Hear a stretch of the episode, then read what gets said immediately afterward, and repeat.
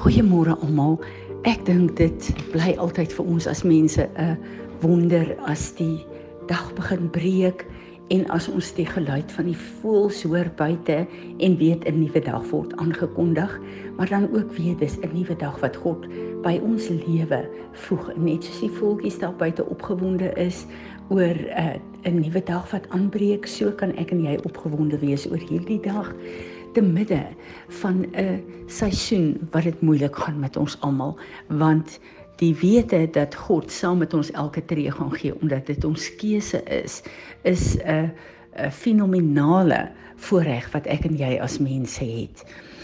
Hierdie seisoen wat ons boere betref was vir my een van die moeilikste seisoene en is een van die moeilikste seisoene wat uh, ons in 'n lang tyd deurgegaan het en dan dink 'n mens aan wanneer ons staan en buig in aanbidding voor God en hom vertrou vir reën om die oeste te voltooi.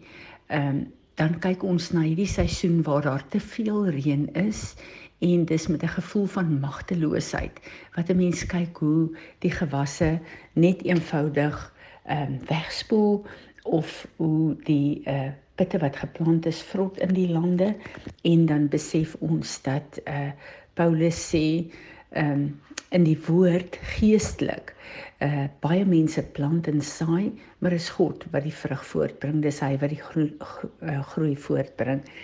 En dan weet ons ook ons staan met 'n gevoel van magteloosheid en dink Here hoekom? Daar is soveel vrae wat ek en jy het. Ek herinner myself aan uh verlede jaar toe ons 'n groepie boere bymekaar ehm um, gebring het en toe ons die Here se aangesig gesoek het uh om vir ons ehm um, rigting te gee in die nuwe plantseisoen en om lof en eer aan hom te bring. Ehm um, en daarmee te verklaar Here, hierdie plantseisoen, alles kom van U af. Ons kan die werk doen, maar dis U wat die groei bring. Dis U wat die oeste volwasse maak. En ehm um, dit was my baie vreemd die woord wat die Here vir my gegee het is dat die Here gaan deel met elke boer op elke plaas persoonlik. En uh ek kon nie mooi verstaan wat die Here bedoel het daarmee nie, maar vandag verstaan ek baie baie beter. Gister ry ek in Johan terug van na 'n heerlike tyd van rus en vakansie en uh toe ons uh veral uh na Bultfontein uh kom in ons rigting is dit vir ons so opsigtelik om te sien die een oomblik ry jy langs die lieflikste mielies en gewasse en letterlik 'n kilometer verder die volgende land is verspoel en staan die mielies in panne panne water. En so het dit gegaan uh tot ons in Botawil kom.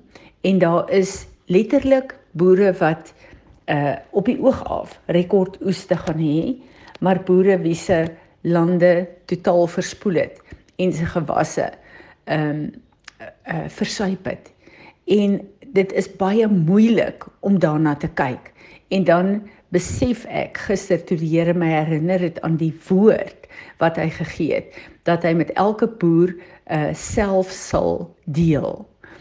En ehm um, my vraag is dan dadelik, ehm um, Here dit is so wonderlik om u hand te sien, u beloftes in vervulling te sien, maar dit is so moeilik om ook te sien wanneer ehm uh, uh alles net eenvoudig voor ons oë verdwyn en al die werk is gedoen en julle as boere weet meer wat die implikasie is om al die insetkoste al die werk te doen en dan te staan en te kyk en te sien maar daar gaan niks uh op die lande wees nie.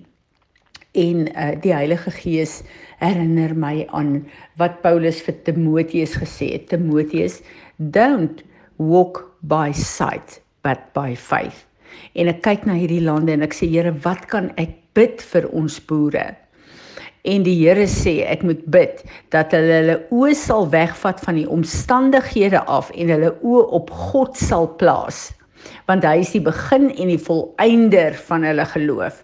En ons weet dat God kan met sy wonderwerkende krag kan hy ingryp. Een van die dinge wat ek so gebid het die afgelope tyd is Here dreineer die lande van onder af dat hierdie water net gedeel kan word mee. En ons weet God kan alles doen. Hy is God. Maar die Here gee vir my 'n woord in uh 1 Tessalonisense 5 uh van vers 16 af en die Here herinner my aan 'n boek wat ek gelees het. Die boek wat ek gelees het is geskryf deur Merlin Carovers. Hy's 'n man wat in die tronk was en wat 'n um, tronk 'n uh, 'n um, 'n uh, 'n uh, sentence moes uit uh, uh, geleef het en uh, hy het tot bekering gekom en hy die Here waaragtig begin dien. En uh, die Here gee vir hom 'n woord een oggend en hy sê in 1 Tessalonisense 5 uh, vers 16 Rejoice always and delight you uh, delight in your faith be unceasing and persistent in prayer in every situation no matter what the circumstances Be thankful and continually give thanks to God, for this is the will of God for you in Christ Jesus. Do not quench, subdue, or be unresponsive to the working and the guidance of the Holy Spirit. En in die uh, Abba uh, vertaling staan dit en ek wil dit vir julle daar lees ook. Ehm um, Julle moet altyd bly wees. Moenie ophou bid nie. Julle moet dankbaar wees altyd. Dit maak nie saak wat met jou gebeur nie. Dit is wat God wil hê julle moet doen omdat julle in Christus glo. Julle moenie keer wanneer die Heilige Gees werk nie. Dit beteken julle moenie 'n profeet stil maak nie, maar julle moet ook nie alles glo wat mense sê nie. Julle moet toets wat mense sê en kyk of dit regtig is wat God wil hê dan sal jy weet wat goed is. En ek besef die woord die begin van die jaar is dat die Here met elke een van ons boere self wil praat. Die profetiese gawe is wonderlik want dit rig ons voetstappe en gee vir ons 'n bl blik in wat kan gebeur. Maar elke een van ons met self in ons verhouding met die Here hoor wat die Here vir ons sê. En dan kom hy en hy sê wanneer jy kyk na jou lande en jy sien die skade en jy sien waar jy is, uh jy moet jou oë op die Here plaas en dan moet jy begin om jou te ver uh jeug in, in die Here en in jou geloof. Nie in die moeilike omstandighede net nie maar in die Here want hy is die begin en die volëinder van ons geloof. En dan sê hy be unceasing and persistent in prayer. Het jy opgehou met bid? Bid ons net wanneer daar nog hoop is in ons oë wanneer ons omstandighede volgens ons nog deur die Here omgedraai kan word. Die Here sê in elke situasie, maak nie saak wat die omstandighede is nie, moet ons dankbaar wees en ons moet vir die Here lof, eer en aanbidding gee en ons moet vir hom dankie sê vir hierdie moeilike situasie want dit is 'n geleentheid om God se krag te sien werk. Dit is 'n geleentheid om vir die Here te sê, Here, ek dien U nie net omdat U vir my goed kan wees nie, ek dien U in alle omstandighede. En my hart was baie seer geweest toe iemand vir my sê uh, wat met die boere werk, een van die boere het uh, vir hom gesê, hou op met bid, dit help nie. Waarvoor aanbid ons die Here? Waarvoor dien ons hom? net dat hy ons moet seën en dat dit goed moet gaan wanneer ons op die berg berg staan of wanneer ons ook in die vallei is. Die God wat ons dien is nie verras deur die moeilike omstandighede waar ek en jy in staan nie. Hy kyk nie net na ons omstandighede nie, hy kyk na ons harte. En hier wil ek sê, elke een van ons moet kom en ons moet kom buig in aanbidding. Ons moet die Here loof en prys ook vir hierdie moeilike tyd en die moeilike seisoen want dit is die plek waar ons sy reddende regterhand kragtig kan sien werk. En die ons oes is nie die bron van ons inkomste nie. God is die bron van ons inkomste. Hy gebruik ons oeste soos en wanneer dit hom behaag. Maar hierdie jaar is 'n geleentheid om God se grootheid, sy almag, sy goedheid te kan sien en om 'n getuienis in ons lewensverhaal te hê. Van hierdie is een van die moeilike tye in my lewe, maar God het my nooit in die steek gelaat nie. Hy sê in Hebreërs 13 vers 5: Ek sal jou nooit nooit nooit in die steek laat nie. 3 keer kom hy en hy kom verseker ons in die naam van die Vader, die Seun en die Heilige Gees van God. Kom hy en sweer hy by homself, hy sal ons nooit nooit in die steek laat nie. Dis interessant voor hierdie skrif in Hebreërs staan daar pertinent, moenie 'n liefde vir geld hê nie.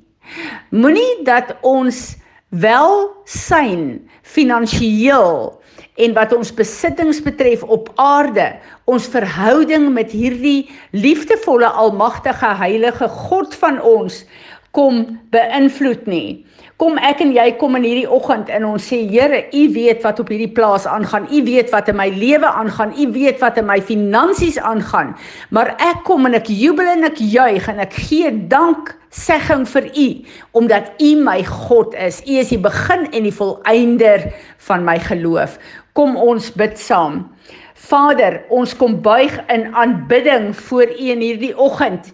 Ons buig voor U die Skepper God van die hemel en die aarde wat nooit laat vaar die werke van sy hande nie. Ons wil vir U kom dankie sê Here vir wat in ons lewens aangaan, wat in ons gesaaides aangaan. Ons loof en ons prys U en ons sê vir U dankie, want U is ons God. Maak nie saak hoe ons lande lyk nie, maak nie saak hoe ons oeste lyk nie. Ons jubel en juig in hierdie dag, want ons God is die Skepper God wat ook aan 'n herskepingswerk doen as dit hom behaag. Maar Vader, wat ook al in hierdie seisoen ingaan, Ons kies om te jubel en te juig. Ons kies om al die lof en die eer en die aanbidding van ons harte vir U te bring. Ons kies om vir U dankie te sê omdat U ons God is en U is die bron van alle voorsiening, Here. Ons jubel en ons juig in hierdie oggend en ons wil uh, uitspreek oor ons lande.